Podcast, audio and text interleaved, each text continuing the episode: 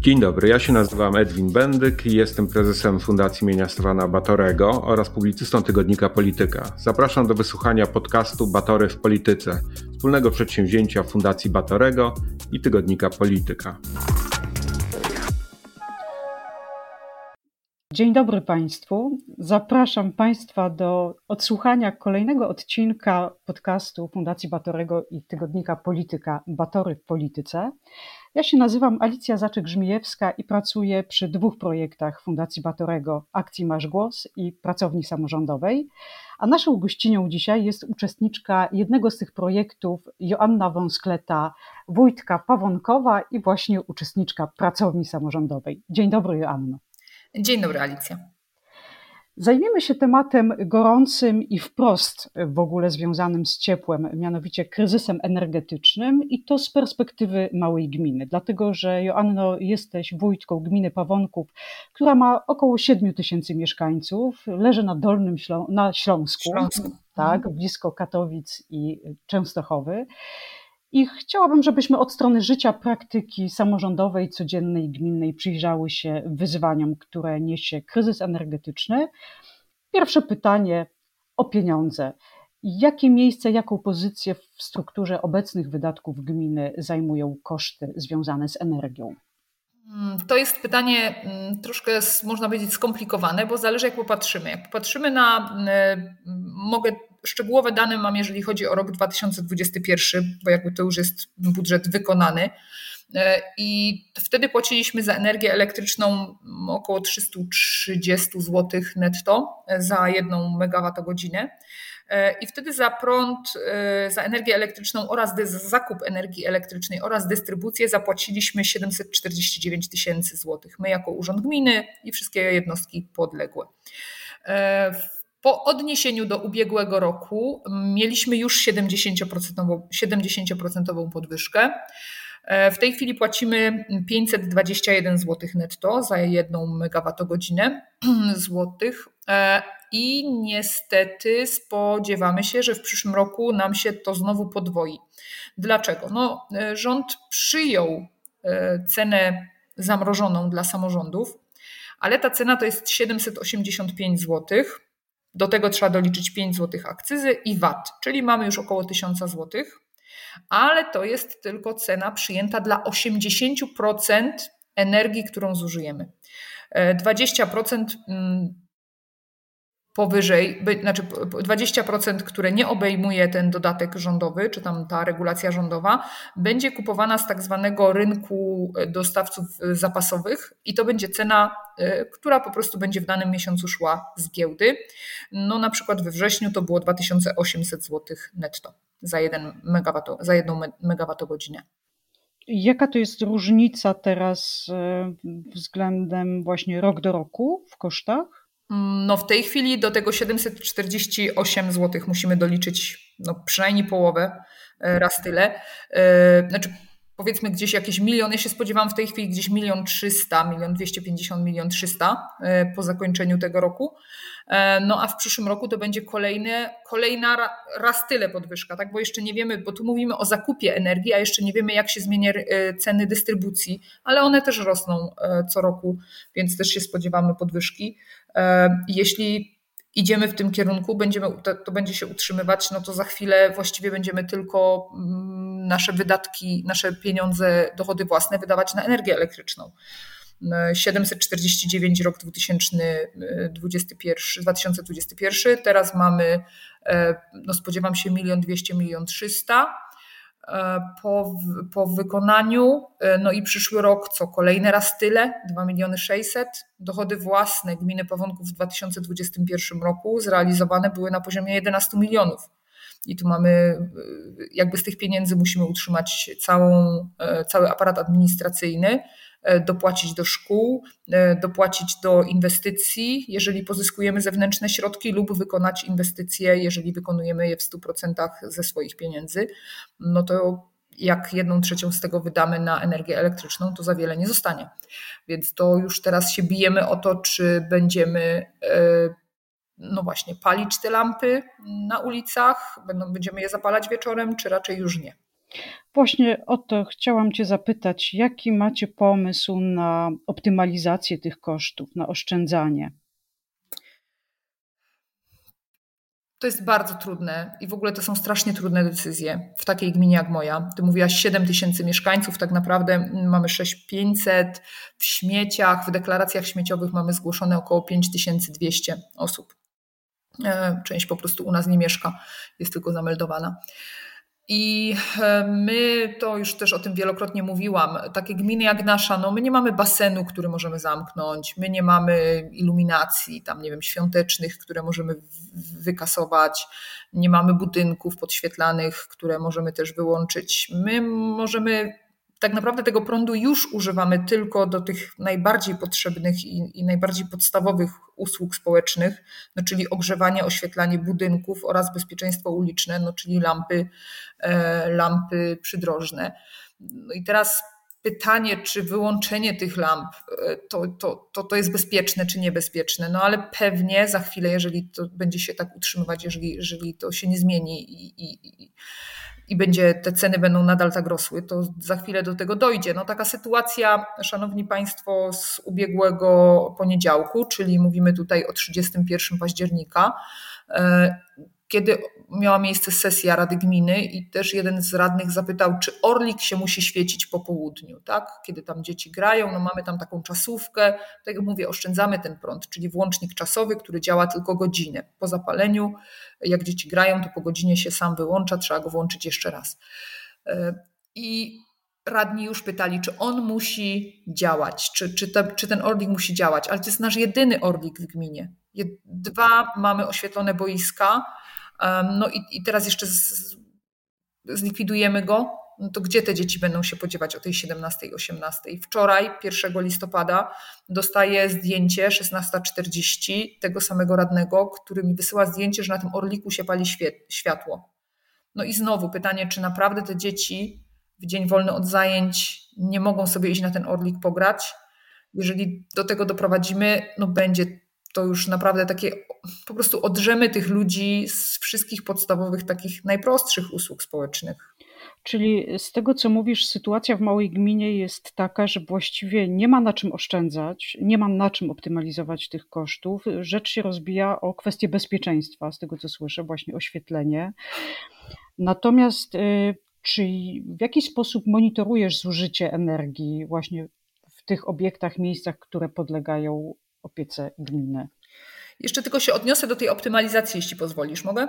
Oczywiście. To znaczy, mamy jeszcze jedną szansę, tylko na to potrzebujemy też trochę zewnętrznych środków. Podobno ma się uruchomić jakiś program, który na przykład pozwoliłby nam pozyskać e, środki zewnętrzne na wymianę starego oświetlenia ulicznego na LEDy. No to już spowoduje pewną oszczędność.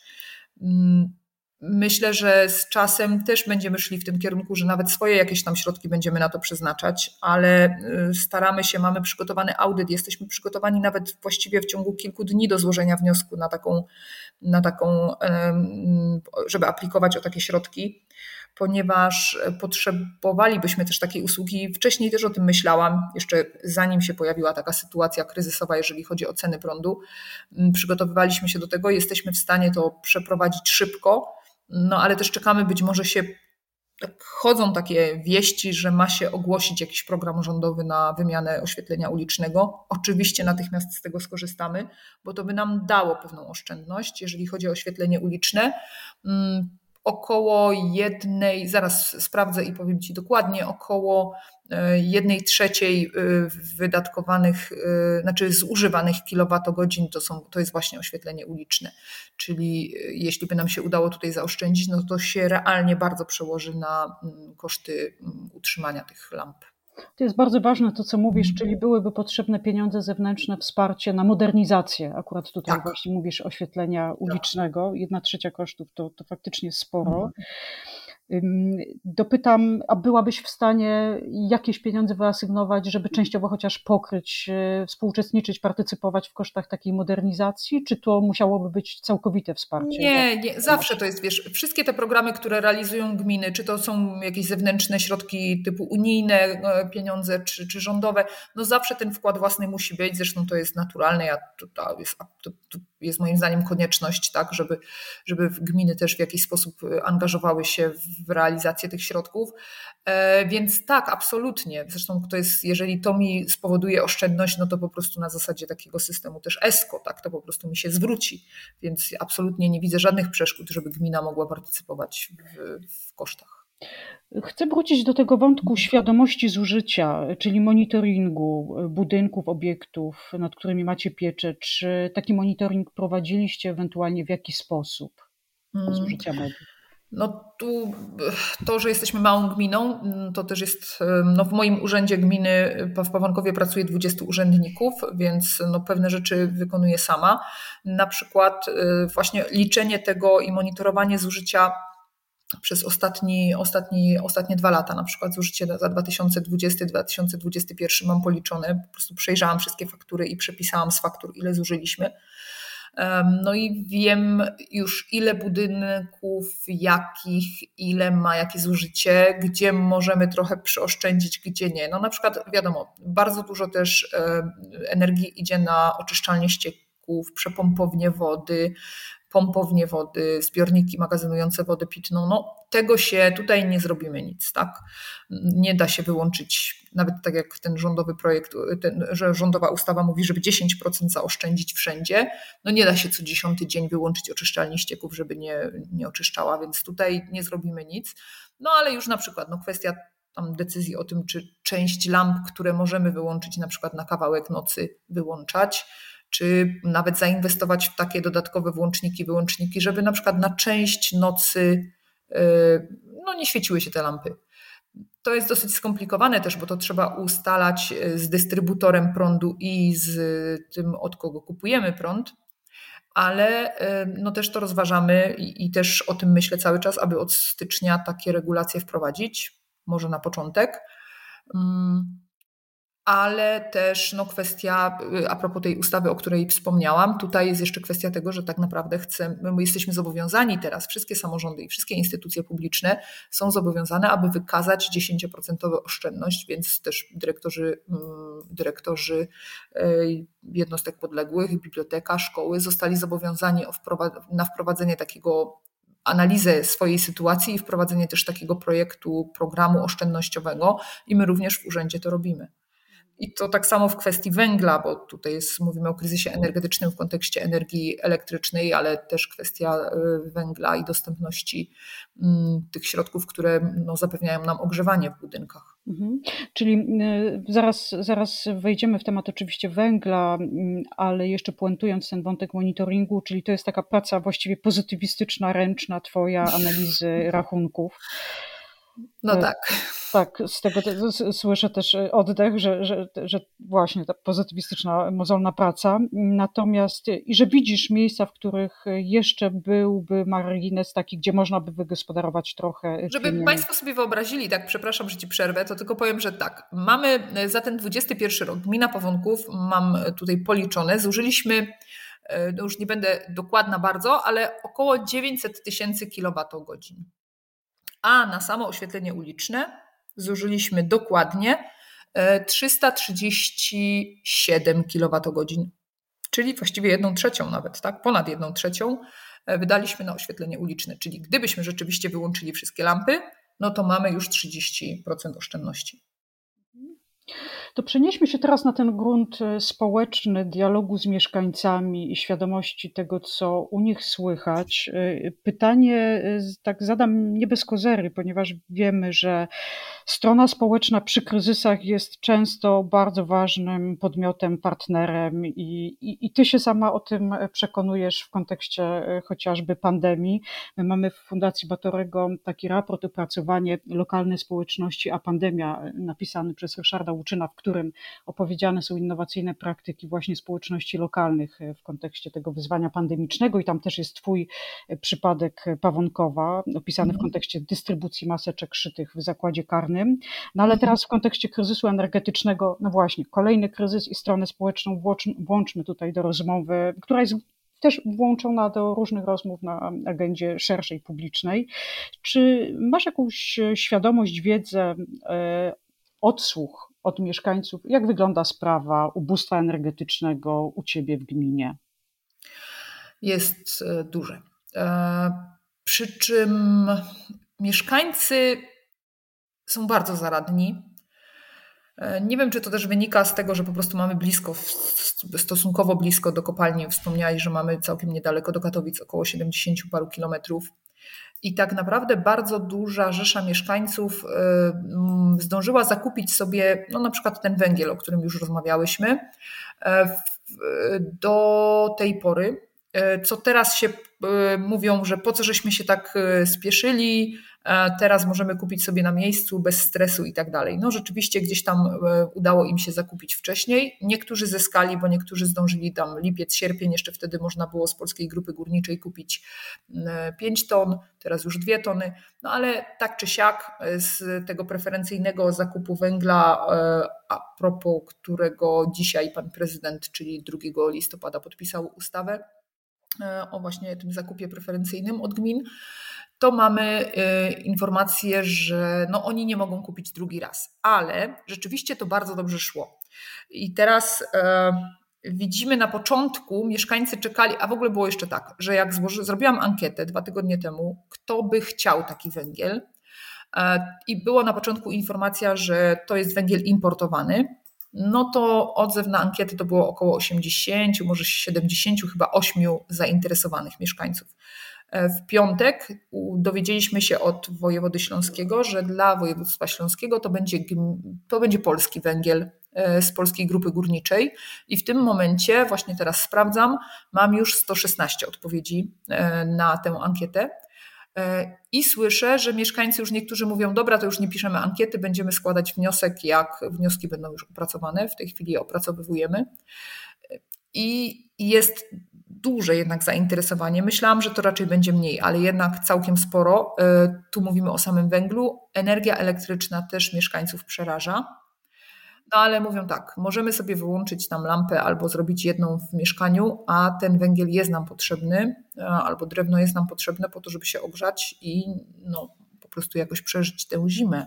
I tak jest ona dla nas łaskawa, bo mamy 2 y, listopada i za oknem piękne słońce i zero śniegu, więc to jest i tak super. Kilka tutaj takich e, istotnych rzeczy wybrzmiało. Z jednej strony mówisz o skali ubóstwa energetycznego, że ono jest duże, z drugiej strony podkreślasz dużą zaradność mieszkańców i w sumie na samym początku listopada, że już są w dużej mierze, e, czy wielu z nich zaopatrzonych w mhm. materiał grzewczy. Natomiast y, też bardzo ciekawa taka rzecz wybrzmiała, że w, podkreśliłaś w ankiecie, która faktycznie jest na stronie gminy Pawonków, y, te informacje o węglu importowanym, ale gdy węgiel krajowy, to natychmiast wzrosła liczba zainteresowanych. Mhm. Mam do Ciebie takie y, pytanie, Czym to można wytłumaczyć, że pomimo tego, że mieszkańcy są zaradni, mimo wszystko ten e, program i wasza rola jako gminy rezdystrybutora pomaga faktycznie, wciąż budzi, będzie budził zainteresowanie wśród mieszkańców? Jest po prostu może ciut łatwiejszy, e, bo jest bliżej, tak? Nie trzeba sobie organizować tam dodatkowo e, transportu z Katowic czy z Chorzowa czy z Bytomia.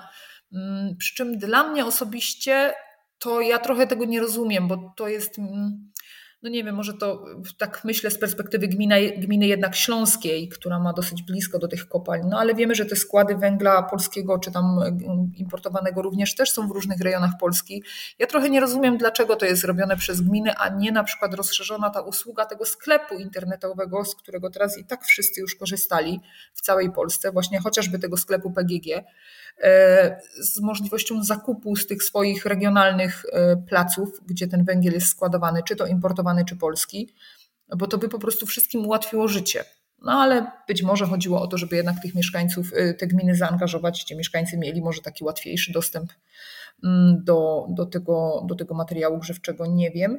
Jeszcze tak w kontekście tego ubóstwa energetycznego, jak teraz mówiłaś, mm, to mi się przypomniała definicja Mówi się, że jeżeli 10% y, y, takich mm, środków, którymi dysponuje dane gospodarstwo, rodzina, y, przeznacza na energię i ogrzewanie, to już jest więcej niż 10%, to już jest ubóstwo energetyczne.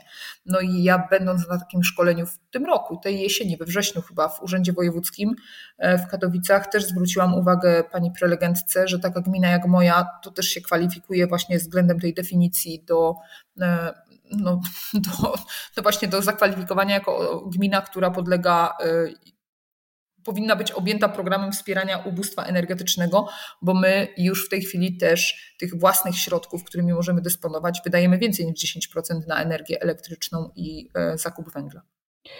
Mówisz tutaj e, o zaradności mieszkańców, o sklepach internetowych, ale na Śląsku pojawiła się bardzo taka ciekawa inicjatywa, która ma wesprzeć tych, którzy może mieliby problem z dostępem właśnie do sklepu internetowego. Myślę o rodzinach, e, osobach w trudnej sytuacji i inicjatywa Śląskiego Związku Gmin i Powiatów i Polskiej Grupy Górniczej o tym, żeby ich wesprzeć e, właśnie w zakupie mm, węgla. Czy ty, rozumiem, że jesteś też jako gmina podmiotem w tym porozumieniu w tym programie. Tak, byłam też jedną z orędowników tego projektu y, od początku ponieważ no, są osoby, które no, wszyscy sobie zdajemy sprawę z tego, że jednak są wykluczone, e, no, czy to cyfrowo, czy, czy jakoś po prostu społecznie jest im trudno nawiązać, nie wiem, porozumienie z sąsiadem, który może mi ten węgiel przywieźć. E, I od początku wspierałam ten program. E, w tej chwili Polska Grupa, Polska Grupa Górnicza zabezpieczyła pewien wolumen węgla, określiła warunki, które muszą spełnić te rodziny, które w taki sposób będą mogły zakupić, w taki sposób preferencyjny bez, z pominięciem tego sklepu internetowego PGG, e, zakupić jedną tonę węgla. Tyle, że te warunki okazały się na tyle restrykcyjne, chociażby nawet dla mieszkańców gminy Powątków, że mm, po przejściu przez to sito została nam jedna rodzina, która byłaby zainteresowana e, tym rozwiązaniem. Dlaczego? Ponieważ tam mm, Myślę, że PGG nie zrobiło tego jakoś, y, w ogóle nie, nie, żadnej tutaj negatywnej, niczego negatywnego nie przypisuje autorom tego, y, tego programu. Podejrzewam, że chodziło o to, że PGG wystraszyło się, że będzie bardzo dużo tych ludzi i tam wpisany został taki warunek, że ma to być gospodarstwo jednoosobowe, y, stały klient GOPS, MOPS, ośrodków pomocy społecznej i jeszcze kilka tam innych warunków. I tak naprawdę jednak być może w miastach to jest troszkę inaczej, ale w naszych miejscowościach małych raczej mamy do czynienia, nawet w tych rodzinach bardzo ubogich, z wielopokoleniowością. Więc znalezienie jednoosobowego gospodarstwa e, domowego, które jest objęte stałą, pro, stałą jakby opieką GOPS-u, to już jest wyzwanie. Nie ma zbyt wiele takich osób u nas, które mają dom bloków mamy mało, które mieszkają w domkach jednorodzinnych i mieszkają tam same.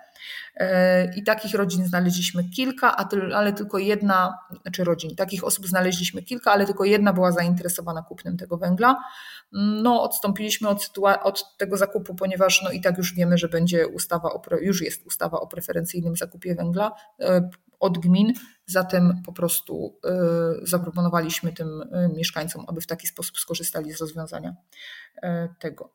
Wiem, dzisiaj nawet rozmawiałam z pracownikami Biura Śląskiego Związku Gmin i Powiatów, że rzeczywiście gminy składają te wnioski, ale myślę, że to są jednak większe gminy, które no na przykład mają e, znane na Śląsku familoki albo jakieś takie stare bloki, które są ogrzewane jakby etażowymi ogrzewaniami, gdzie rzeczywiście może się, jest na pewno rzesza osób, które mieszkają w jednoosobowych mm, mieszkaniach i, i same czyli, żyją. Mhm. Czyli w takich programach albo myśleć szerzej, żeby uwzględnić ba, właśnie bardzo różną strukturę mieszkańców, też ze względu na właśnie małe gminy, to co mówisz, e, mhm. familoki to większe gminy, u was siłą rzeczy domki, e, w których trudno, aby jedna osoba mieszkała. Dokładnie. Mm, właśnie, więc, więc w taki sposób po, po, popatrzeć na to. A czy mam jeszcze pytanie, czy jeszcze jest jakiś procent, podejrzewasz, mieszkańców, którym należałoby szczególnie pomóc i czy w związku z tym są jakieś programy, projekty finansowe i pozafinansowe pomocy im w tym względzie właśnie teraz ciepła, energii w gminie? Wiesz, bardzo dużo mm, jakby też do nas dotarło informacji y, o sytuacji rodzin w, w momencie, kiedy składane były mm, wnioski o dodatek węglowy. Mm, I tutaj też y, GOPS wykonał ogromną, ogromną pracę. U nas jest około 1700 adresów, tak y, z głowy mówię teraz, w gminie Pawonków, a wniosków na dodatek węglowy złożono do nas ponad 1600. Czyli właściwie można powiedzieć, że wszyscy złożyli. No i mieliśmy dwa miesiące na rozpatrzenie tych wniosków. E, I też przy okazji, w, sytuacji, w której tam no, budziły się jakieś wątpliwości pracowników GOPS, no to one też, panie, które pracują w GOPSie, też w jakiś sposób no, monitorowały tą sytuację, więc e, jesteśmy, można powiedzieć, w stałym kontakcie z tymi mieszkańcami, czy to przez GOPS przy okazji weryfikacji tych dodatków węglowych, e, no czy teraz właśnie w tej ankiecie.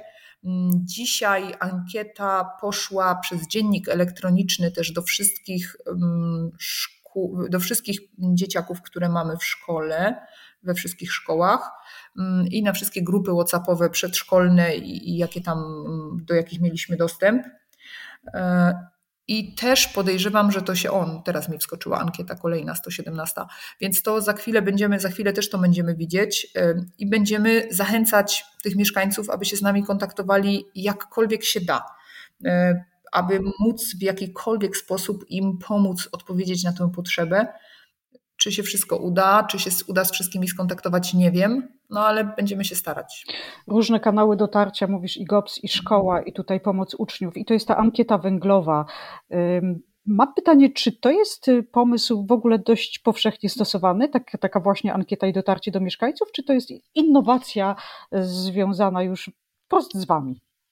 Nie mam pojęcia. Mhm. Nie no, my te ankiety elektroniczne co chwilę robimy, więc jesteśmy też przyzwyczajeni do tego. E, w zeszłym tygodniu, właściwie w poniedziałek 31 zakończyła się, zakończyło się referendum też mm, dla rodziców przedszkolnych a propos stawek żywieniowych.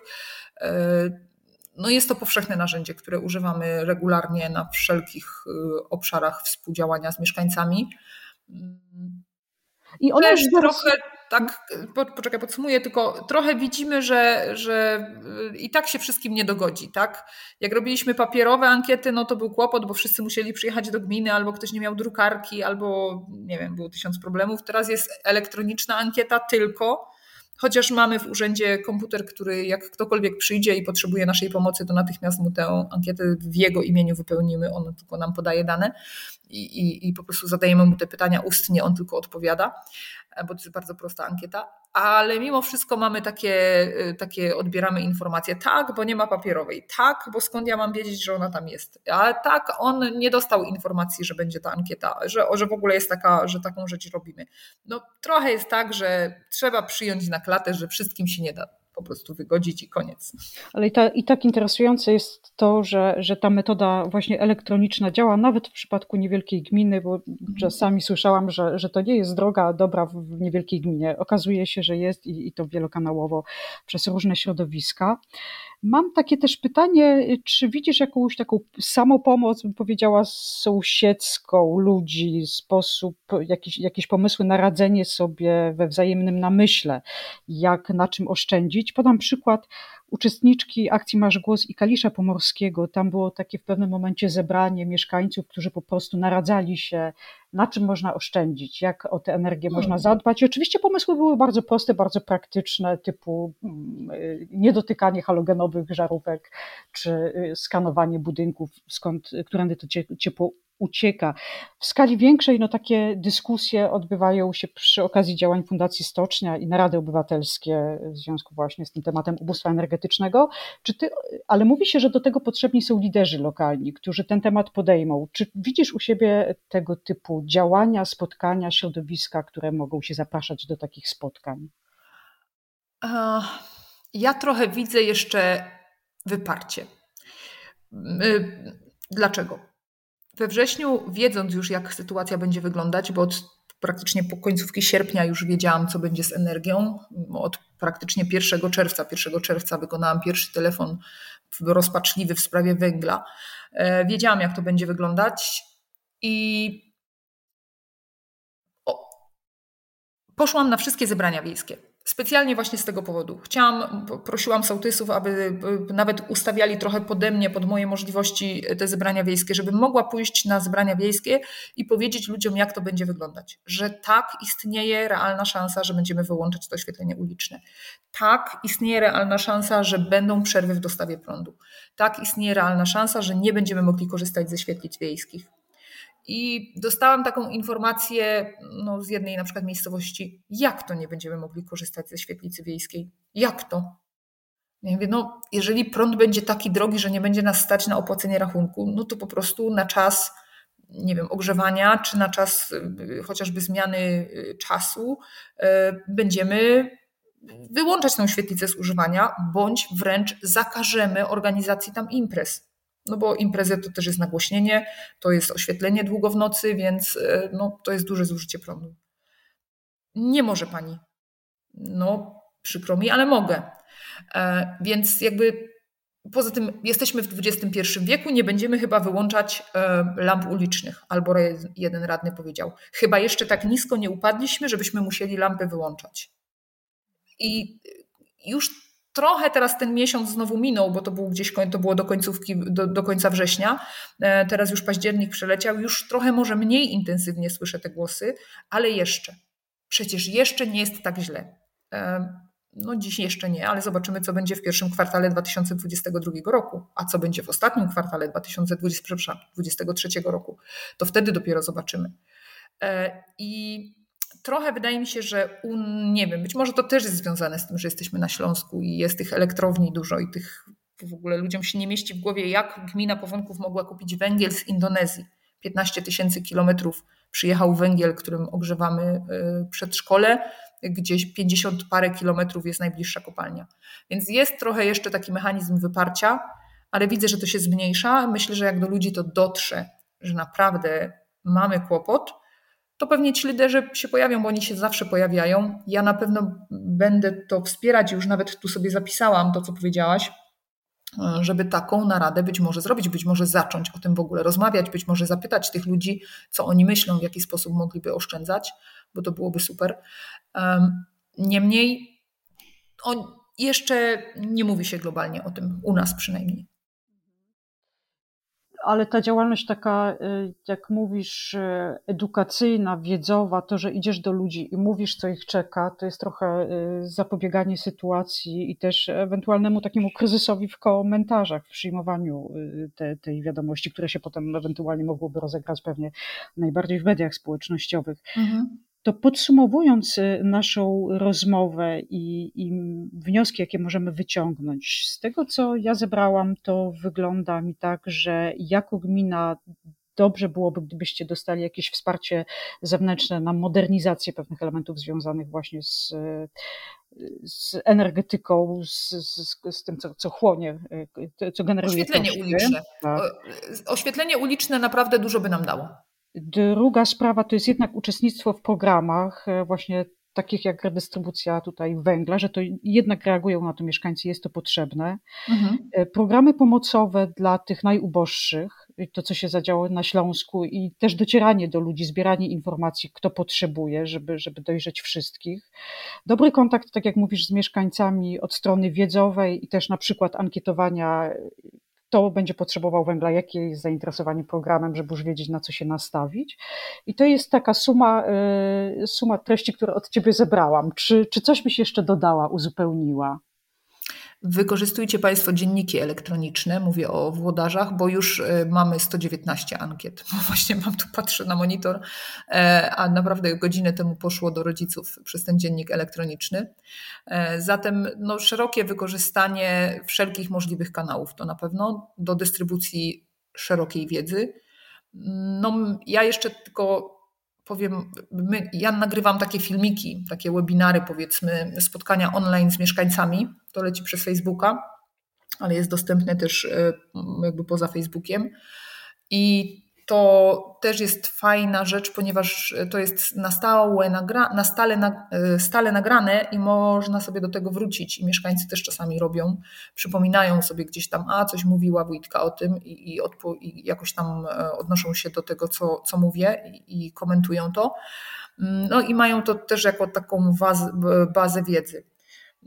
Na pewno myślę, że tutaj też taka wymiana doświadczeń i, i wszystkie think tanki, ale myślę, że taka organizacja jak Fundacja Batorego i to, co wspominałaś, ta Fundacja Stocznia, promocja takiej wiedzowej strony tego problemu, mm, to jest też super, bo taki wójt, burmistrz, prezydent czy nawet radny, tak, to on nie ma czasu, żeby czasami samodzielnie gdzieś tam zgłębiać pewne rzeczy, a na przykład biorąc opracowanie czy podsumowanie, e, czy jakieś resume z jakiejś, z jakiejś konferencji, jest w stanie no, na przykład parę rzeczy się dowiedzieć i poszukać, albo czasami może to być dla niego inspirujące, więc myślę, że tutaj taka, takie docieranie do gmin nawet, tak, czy, czy szkół, czy, czy w ogóle jakichś organizacji, które różnymi innymi rzeczami się zajmują, e, z informacją na temat pewnych działań, które mogą ogólnie naszą globalną politykę, znaczy globalnie polską sytuację energetyczną poprawić, nie tylko małej gminy, czy przez pryzmat jakiegoś powiatu, to na pewno mm,